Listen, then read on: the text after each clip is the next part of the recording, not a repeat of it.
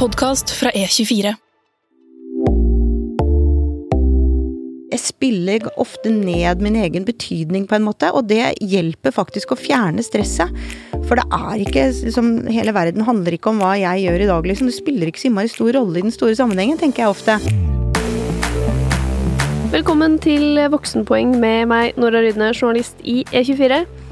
For de fleste vil jo stress være en uunngåelig del av jobben, og stress kan kanskje også være bra, men hvordan skiller man på bra og dårlig stress, og hvordan unngår man at stress ødelegger for hvordan du presterer på jobb? Det skal vi snakke mer om i denne episoden, og med meg har jeg både en erfaren leder og en psykolog. Velkommen i studio, Kristin Skogen Lund, konsernsjef i Skipsted. Takk skal du ha. Og velkommen eh, psykologspesialist Philip Myhre i Norsk psykologklinikk. Takk for det. Vi må jo nesten begynne med å eh, finne ut av hvor stressa dere er eh, selv, leder og psykolog. Kristin? Ja, nei, jeg blir, jeg blir sjelden stressa. Altså, jeg kan jo være travel, men det er noe annet. Eh, jeg, har, jeg, kjenner, jeg kan kjenne snev av stress innimellom, så jeg vet, jeg vet, på en måte hva det er, og jeg vet når det er det det er. Men jeg er jo velsignet med et ganske sånn rolig sinn, så jeg er lite stressa, heldigvis. Hva med deg, Philip? Ja, nei, jeg har nok et litt annet nervesystem. Okay. så jeg kjenner litt på stresset, ja. Men eh, jeg litt, litt, kan, kan, merke litt sånn litt fysisk, og litt sånn aktiverte i tankene òg, egentlig. Ok. Ja. ja. men det er bra. Da har vi et fint uh, rådgiverpanel her. men uh, Philip, hva Hvorfor er stress dårlig? Stress kan være dårlig. Ja. Eh, hvis det er vedvarende. Hvis ikke det skrur seg av igjen. Um, og da kan det jo ha litt ugunstige effekter på helse og sånn. Og så er det jo ubehagelig, da. Uh, fysisk. Men det trenger jo ikke å være dårlig. Det er jo litt det kanskje vi skal se på. At uh, jevnt over så er det jo kroppen som bare skrur seg på for å prøve å løse noen oppgaver. Så stress er dårlig hvis den ikke skrur seg av igjen. Ja, for Liker du når du blir stressa, Kristin? Får du noe ut av det? Uh, nei, men det er veldig forskjell på Altså, jeg vil, jeg vil uh, skille mellom tre ting. Du har på en måte det derre travelhet, som mange si, kan si at de er stressa, men de er egentlig ikke det. De er bare travle. Det er liksom én ting. Men så har du det som jeg tror du vil kalle positiv stress, som er at du mm. kanskje skal prestere et eller annet, eller du girer deg opp for noe. Uh, det er ofte prestasjonsfremmede stress, vil jeg si. Men så har du det som er negativ, det negative stresset, som gjør at du kan bli litt kort i lunta, og du kan bli snappy, og du liksom har det ikke bra, og du liksom kjenner at det er negativt, det er det negative stresset. Det er ikke bra. Ja, for hva er egentlig stress? Hva er det som skjer når man blir stressa? Ja, det er mange ting, eh, og det er litt sånn ulikt hvordan man definerer det òg. Men kanskje helt overordna så går det an å si at det er kroppen som prøver å mobilisere til å løse ei oppgave. Og da har vi jo noen tankesett, og så har vi en, et nervesystem som uh, skrur seg på. Og det har noen, noen sånne elektriske signaler og noen kjemiske signaler. Uh, så det er hele organismen som prøver å sette seg i stand til å løse ei oppgave. Og det kan jo være alt fra å håndtere en relasjon uh, til å løse en ligning. det kan være mange forskjellige ting som kroppen mobiliserer for, og den er jo ikke alltid så veldig tilpassa sånne oppgaver sånn som vi har. Eh, som kanskje er vedvarende over lang tid og vanskelig å løse. Så de systemene vi har kroppslig og i tankene, er jo ofte mer tilpassa oppgaver som er av en begrensa varighet, og som lar seg løse og går over. Så vi kan skrus på, og så kan vi skrus av igjen. Det er liksom det som egentlig kanskje er mest lagd for. Ok, så vi er laget for stress. Jeg må drepe det dyret så jeg kan spise det. Å, nå er det dødt! Yes! Ja. Mm burde liksom mm. Kroppen burde jo kanskje ha opp, omstilt seg. Nå har vi jobbet 8-4 veldig lenge. Ja, ja, ja, Vi har ikke det, vet du. Det, bare, det, har vært utrolig kort, hvis du tenker sånn biologisk. Ja. Jeg syns nå det burde gå fortere. ja, den måten å leve på er kanskje 100, 100 år gammel, og det er jo ingenting i menneskets historie, hvis du tenker sånn. Ja, det er jo sant. Så vi lever jo veldig unaturlige liv. Som 1000 år så er kanskje stress borte, for da er dette naturlig. Det verste er, Da må vi endre måten vi jobber på, for hele menneskets historie, da, hvis vi går 100 000 eller 300 000 år tilbake i tid, så har det ikke vært noen særlig evolusjon. Vi er jo sånn biologisk sett nesten helt like vi var fra vi oppsto som Homo sapiens. Mm. Eh, så da må vi tilpasse oppgavene våre til nervesystemet. Nervesystemet vårt, det, sånn evolusjonen hjelper oss nok ikke i et hundreårsperspektiv eller tusenårsperspektiv, dessverre. Ok, så da må vi jo bare finne ut hvordan vi kan legge opp arbeidshverdagen vår litt bedre, da. Ja, Ja. det er jo én ting, og så går det an å tenke også på hvordan er det vi kan lære oss å leve med det nervesystemet vi har. Og med den personligheten vi har, og med, den, med det stresset, stresset vi har. Og se på det litt som at vi får eh, Jeg liker å se på det litt som at vi får utdelt en hest ja, ved fødselen. Som vi må lære oss å ri. Vi, er ikke, vi er ikke stresset vårt, vi er ikke personligheten vår, vi er ikke det. Men vi blir nå født med et sett med gener og en måte som kroppen vår responderer på i møte med utfordringer. Og I tillegg så møter vi på selvfølgelig mange ting opp igjennom livet vårt, men eh, vi har nå på en måte, i hvert fall til en viss grad, den hesten vi har. Noen av oss har litt sånn nervøse hester med, med litt sånn hoppende hjerte og som er klare for å springe. Og andre har mer litt sånn traustere, roligere hester. Og så er det noe med å ha, prøve å få en positiv holdning og lære seg til å, til å ri den hesten man har fått uh, utdelt. Da. Og vi er ganske ulike i møte med krav og forventninger og uh, livet generelt, altså. Og der har Kristin fått en eh, traust dølahest Uh sånn stressmessig. messig. Ja, veldig ganske sånn stabil og rolig hest, i hvert fall. Mhm. Men hva Traust deg høres ikke så bra ut. Nei, det er litt. Men de trause hestene er undervurdert. Fjordinger, trauste. De er nasjonalhesten vår, tror jeg. Men eh, hva gjør du eh, Hva, hva gjør deg stressa? Altså, for du er jo nesten alltid travel. Ja, jeg er alltid travel, men, det, men det, blir jeg ikke, det blir jeg vanligvis ikke stressa av, for det er jeg så vant til også. Men det, det, som, eh, det positive stresset kan jeg få en sjelden gang hvis jeg skal gjøre noe som enten, enten innenfor det jeg er vant til å gjøre, men som er ekstra viktig. Jeg husker da var jeg NOR-sjef, så skal jeg ærlig innrømme at jeg var alltid en porsjon stressa idet jeg f.eks. skulle holde tale på NOs årskonferanse og sånn, liksom når alle ser på deg og det er veldig, veldig viktig at det går bra. Det kan jeg fortsatt føle på, selv om jeg er blitt litt plassert på sånne ting etter hvert. Jeg blir ikke nervøs hver gang jeg skal holde et foredrag, men av og til. Men det, eh, eh, men det nega... Og jeg ble forresten veldig stressa i helgen. Da løp jeg mitt første gateløp. Det var bare åtte kilometer og ikke spesielt imponerende, men for meg så var det noe nytt som jeg ikke mestrer i utgangspunktet. Og da var jeg faktisk så nervøs at jeg nesten ikke klarte å spise, og det er veldig ulik meg, men det, da skulle jeg liksom på, utenfor min egen komfortsone. Da, kan jeg- da ble jeg stressa. Men det var positiv stress. Jeg løp mye fortere enn jeg trodde. Og det tror jeg bare var fordi jeg var så stressa. Men det negative stresset Jeg vet i hvert fall med meg selv at det oppstår når det er ugreie i spesielt relasjoner som betyr noe for meg. Eh, og det er gjerne ting som har med, med de aller nærmeste å gjøre. Jeg kan bli stressa i kanskje en jobbsituasjon fordi jeg har kranglet med et av barna mine, eller altså sånne ting. Og da vet jeg ofte at det er det som er stressårsaken, og jeg prøver å kontrollere det. Men det, for at det, veldig mange av de arbeidsrelaterte tingene, det betyr rett og slett ikke så mye for meg at jeg får det negative stresset, men jeg kan få det f.eks. av de nærmeste relasjonene, da. Eh, Så det er én ting. Og det andre som jeg vet kan gi meg negativ stress, det er hvis jeg i en arbeidssituasjon har en manglende mestringsfølelse, f.eks., eller hvis du deg, kan føle deg urettferdig behandlet eller ydmyket på en eller annen måte. At, liksom, at, du, at, at noe sårer deg på et vis. Så du kommer i en sånn slags forsvar... Ikke, ja, fors, eller sånn, sånn ja, urettferdighetsforsvarsposisjon, om jeg kan beskrive det som det. Det har jeg opplevd noen ganger, heldigvis ikke så mye i det siste, men i tidligere år. Og det kan trygge det der negative stress i meg. Det er akkurat som hvis noen tar fra deg selvfølelsen din, greia. Det trigger eh, de negative tingene. Og det er fryktelig usunt. Og da blir du dårligere på jobb, eller?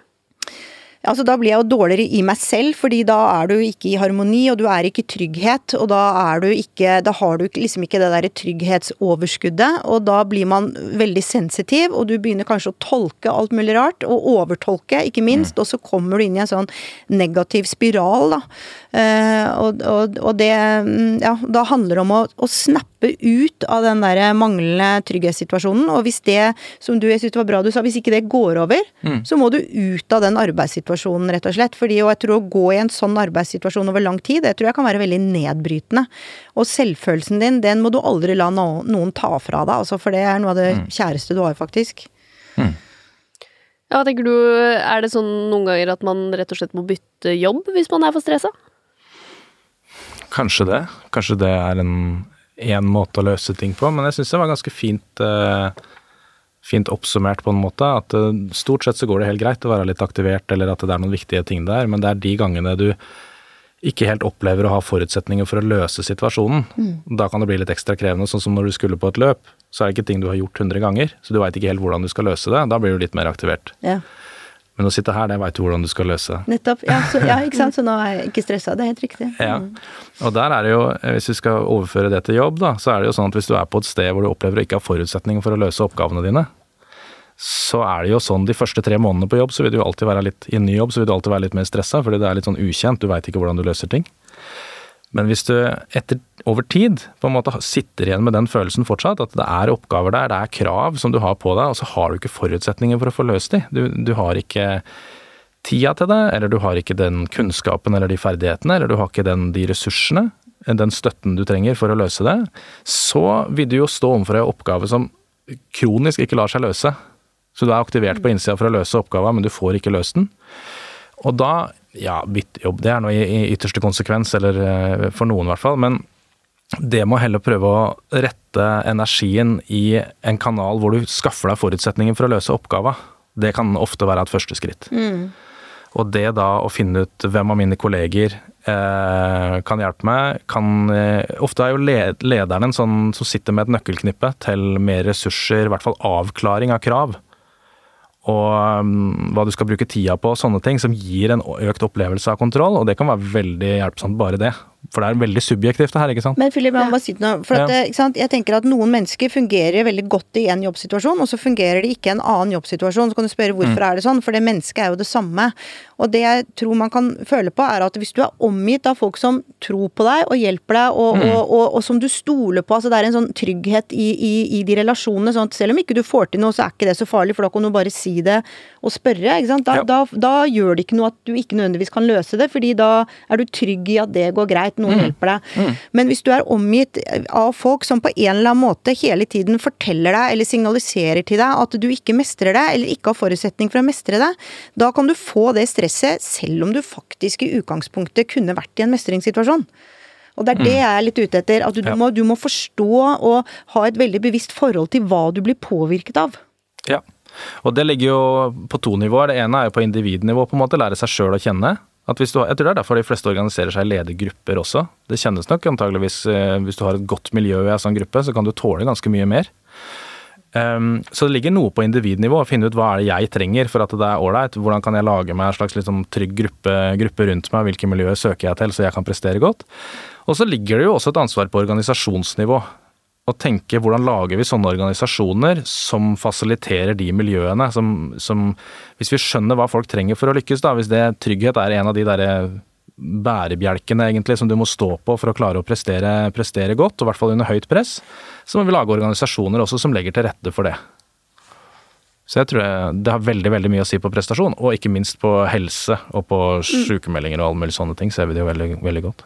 Men på det individuelle, det syns jeg er veldig vanskelig, og det er det kanskje for mange som er liksom nye i arbeidslivet, å skjønne når man er stressa. For det eh, Da vi startet denne podkasten Å starte podkast er helt forferdelig, ikke prøv det. eh, det er, eh, da er det ingen rutiner, og alt var bare overalt. Og Kristine husker det sikkert, eh, at jeg var ganske eh, høyt og lavt alltid. Og jeg trodde jeg hadde fått ME.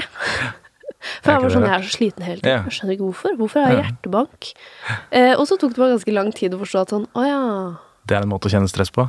Ah, det var derfor. For det var, vi hadde, det var fordi alt var liksom bare Mm. oppe i luften. Mm. Men hvordan kunne man liksom kjent igjen det når man er så fersk, da, på å kjenne på stress? Ja. Det der, der tror jeg kanskje jeg og mine kolleger har en, har en jobb å gjøre. Det er å eh, gjøre det litt mer kjent hvordan egentlig mm, ting kan oppleves. Symptomer på stress. Hvordan det er. Hvordan, hvordan, fordi tradisjonelt så har vi jo liksom skilt det veldig i to. Du har noen sånn somatiske, kroppslige sykdommer, og så har du mer sånn stressreaksjoner eller ting som har med, det mentale å gjøre. Men det er veldig, veldig overlappende, fordi det er veldig gjerne samme systemene som er i ulage. Så det å bli kvalm, for eksempel, veldig vanlig tegn på stress. Okay. Men det er vanskeligere å vite hvis du er sånn uvel og kvalm og sliten. Så er det ikke helt sånn rask rute opp til å tenke å ja, nå er det et eller annet stress, jeg må få noe støtte rundt meg, jeg må snakke med sjefen min, liksom. Snarere anspent, det er de fleste klar over. At hvis du er veldig anspent, så, så klarer vi å tilskrive det til stress ganske raskt. Men, men sliten, kvalm, en del av tåkesyn og problemer med å tenke klart.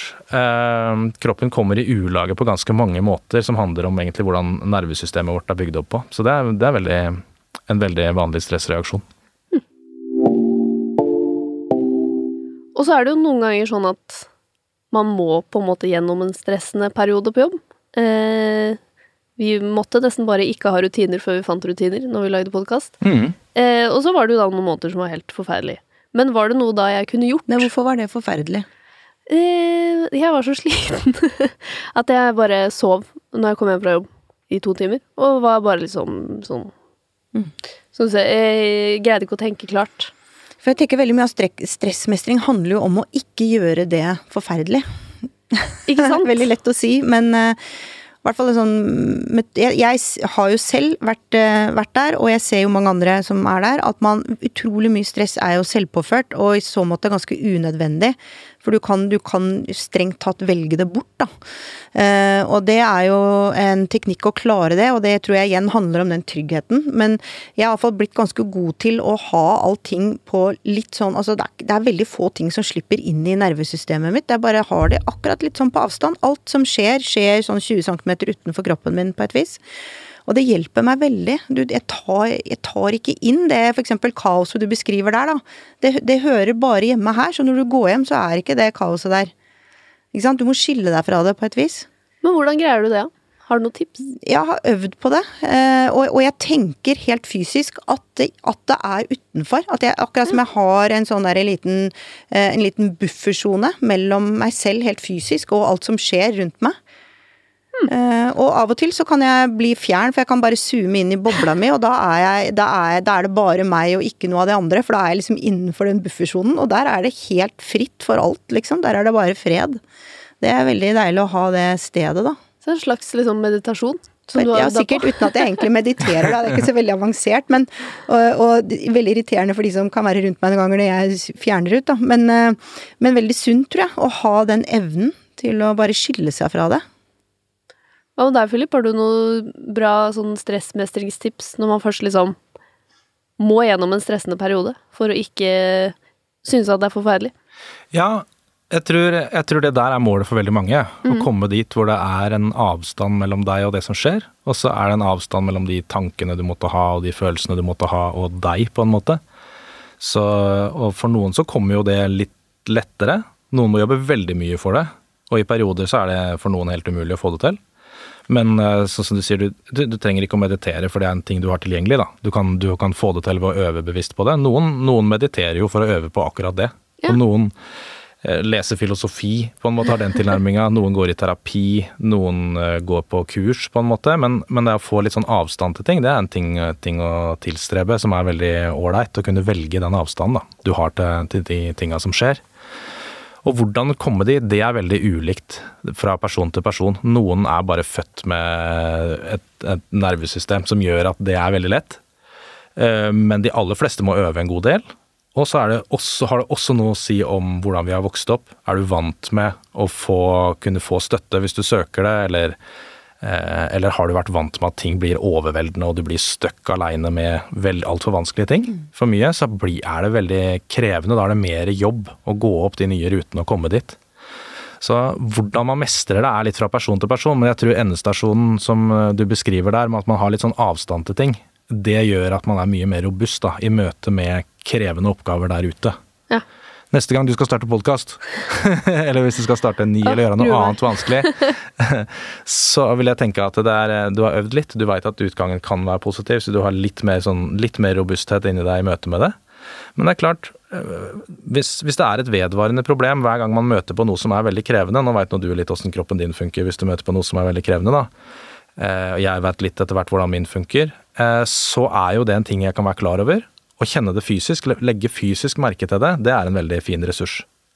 Og det gjør det ikke dårligere å bare legge merke til det og reflektere rundt det, for det er nettopp det det er, å holde det litt på avstand. Du er ikke, du er ikke bare sliten, men du merker at kroppen din bare begynner å skru seg av litt. På en måte, det er litt, Da tenker du om det istedenfor å være inni det. Så det er ett steg på veien mot det Kristin beskriver der, da, med Ja. å få det sånn litt, litt på avstand. Og så får du jo mer og mer oversikt etter hvert på hva er det for noe der ute som skrur på hvilke reaksjoner inni meg som gjør at kroppen min blir stressa. Og så får du mer og mer oversikt over det, og får det mer og mer på avstand på et vis. Så det er, en, det er en vei å begynne å gå på. Gå. En, en, annen ting som jeg tror jeg prøver å tenke litt på, på den ene siden så er jeg nok sånn at jeg er jo, jeg er jo perfeksjonistisk på en måte i den forstand at jeg er godt forberedt, og jeg, jeg liker jo, jeg liker jo overhodet ikke å ikke prestere, så jeg tar ikke lett på ting egentlig i så måte. Men den, den liksom driven jeg har der, er paret med at jeg samtidig er Jeg har en ganske sånn slags nesten sånn en slags indre ydmykhet i forhold til at jeg veldig ofte tenker på at jeg er bare en liten, ubetydelig person og brikke, og, øh, og liksom uansett alt det jeg driver med, selv om det er viktig for meg, så er det egentlig ikke så innmari viktig. Mm. Uh, så jeg prøver virkelig å tenke på det, at liksom hvor galt kan det egentlig gå? Altså liksom ikke overdrive betydningen av alt mulig, da. Jeg prøver liksom å eller jeg ikke prøver, jeg, spiller ofte ned min egen betydning på en måte, og det hjelper faktisk å fjerne stresset. For det er ikke liksom Hele verden mm. handler ikke om hva jeg gjør i dag, liksom. Det spiller ikke så innmari stor rolle i den store sammenhengen, tenker jeg ofte.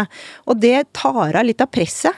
Istedenfor at hvis jeg gikk hele tiden og gira meg opp til at liksom akkurat det jeg skulle gjøre i dag var så innmari viktig, innmari viktig, innmari viktig. Jeg går aldri og tenker sånn, da. Så det tror jeg hjelper litt. Men så må jeg forte meg når jeg sitter her liksom og hoverer, holdt jeg på å si, min stressløshet, så må, jeg, så må jeg si at jeg har jo vært veldig mange andre steder i, i min syke enn der jeg er nå. Eh, nå er jeg blitt 55 år og, og barna har flyttet ut, og jeg har liksom fått mestringsfølelse underveis etter som årene har gått og sånn, så jeg, er jo heldig i så måte. Og velsignet med en, en trygg, trygg, oppvekst, som du sa, som jeg tror er utrolig viktig. Men jeg må bare si det var en fase i mitt liv, og jeg hadde, fikk jo, vi fikk jo fire barn veldig, veldig tett. Vi fikk jo fire barn på under tre år, og begge to jobbet, og det, det var sykdom, og faren min døde, og det var liksom masse ting som skjedde et sånt halvårs tid. Og da fikk jeg prolaps i ryggen, og det tror jeg var en, det tror jeg egentlig var en stressreaksjon faktisk. At jeg, mange hadde kanskje bikka psykisk, men jeg, siden kanskje ikke ligger an til det, så fikk jeg det fysisk. Mm. Så jeg fikk den prolapsen, og hadde veldig, veldig vondt i ryggen i tillegg. ikke sant, Så masse smerter. Og da fikk jeg stressreaksjoner, som når du beskriver det Jeg kunne f.eks. ikke se til siden. Eh, jeg, klar, altså jeg kunne nesten ikke se til siden uten at jeg fikk sånne enorme skudd inn i hodet, på en måte. Og jeg hadde skikkelig smerter og var veldig, veldig dårlig og kastet opp hele tiden. Og da var jeg jo åpenbart bare kjempestressa. Mm. Uh, og det varte jo i Det der varte i flere måneder inntil jeg ble operert i ryggen, da, og ble kvitt den smerten og sånn. Men da kunne jeg jo ikke velge det bort, ikke sant. For jeg hadde for det første en smerte jeg ikke klarte å velge bort, for den var veldig sentral i kroppen min. Og så hadde jeg fire små barn som jeg ikke kunne velge bort. Mm. Og det stresset av å føle at jeg egentlig ikke mestret Eh, verken det eller, eh, eller, jobben eller alt det, alt det som bare lå på meg hele tiden. Pluss at jeg var i stor sorg over å ha mistet faren min. Alt det der var for mye, altså. Mm. Eh, og da fikk jeg de fysiske stressreaksjonene. Så jeg har opplevd det, og det er eh, forferdelig. Og da var ikke jeg i en posisjon hvor jeg klarte å velge det bort. Så jeg vet hvordan det føles. Nettopp. Ja, Bare for å ha sagt det. Du måtte ha en skikkelig brutal brems for at du skulle stoppe. Jeg tror for mye er et stikkord der. Når ting er for mye. Ja. At du har ikke, du, det, det, du har på innsida og tilgjengelig svarer ikke til de krava som er på utsida. Da starter det. Og så kan du moderere det med noen strategier som er å ha en positiv holdning til seg sjøl, f.eks. Hvis du merker at ja, nå er det for mye å starte podkast, eh, og så merker du at ja, kroppen min reagerer sånn og sånn. Hvis du har en har liksom øvd opp, eller tilstreba å ha en positiv holdning til deg sjøl, eller til hesten din, da, for å si det sånn. 'Å ja, den er bare litt sliten', liksom. Eller 'ok, det er noe sånn den reagerer på en måte'. Så er du i hvert fall ikke med på å gjøre det verre. Fordi det som skjer da, er at en del begynner å piske seg sjøl og tenker 'jeg burde klare det her, jeg skulle gjort det', og så pisker vi løs på den stakkars hesten vår. Mm. Til den kollapser, så får den dobbelt. Ja. Jeg, jeg, klarte ikke å akseptere min egen svakhet i gåsetegn, da, mm. for det høres så mm. foraktelig ut. Men altså, mm. jeg, jeg var ikke god til det. Det må jeg bare innrømme. Nei. Litt, litt, vanskeligere å bare ha, ha raushet og aksept og omsorg for å bare ikke, ikke klare å løse alle oppgavene. Hadde ikke det overfor meg selv. Nei. Det er jo veldig vanlig i liksom, den arbeidskulturen vi har, at man skal mestre. Men eh, Kristin, du er jo leder for, mm. og har vært det i alle år. Hva, hva ønsker du av dine ansatte? At de sier til deg om stress, eller hvordan de har det på jobb? Ja, jeg, jeg, før jeg svarer på det, så må jeg bare si en ting. Jeg er samtidig litt glad for at jeg hadde det halvåret der, da, den opplevelsen. For jeg tror det har vært veldig sunt for meg, som, som er såpass robust som jeg er, å ha følt på det.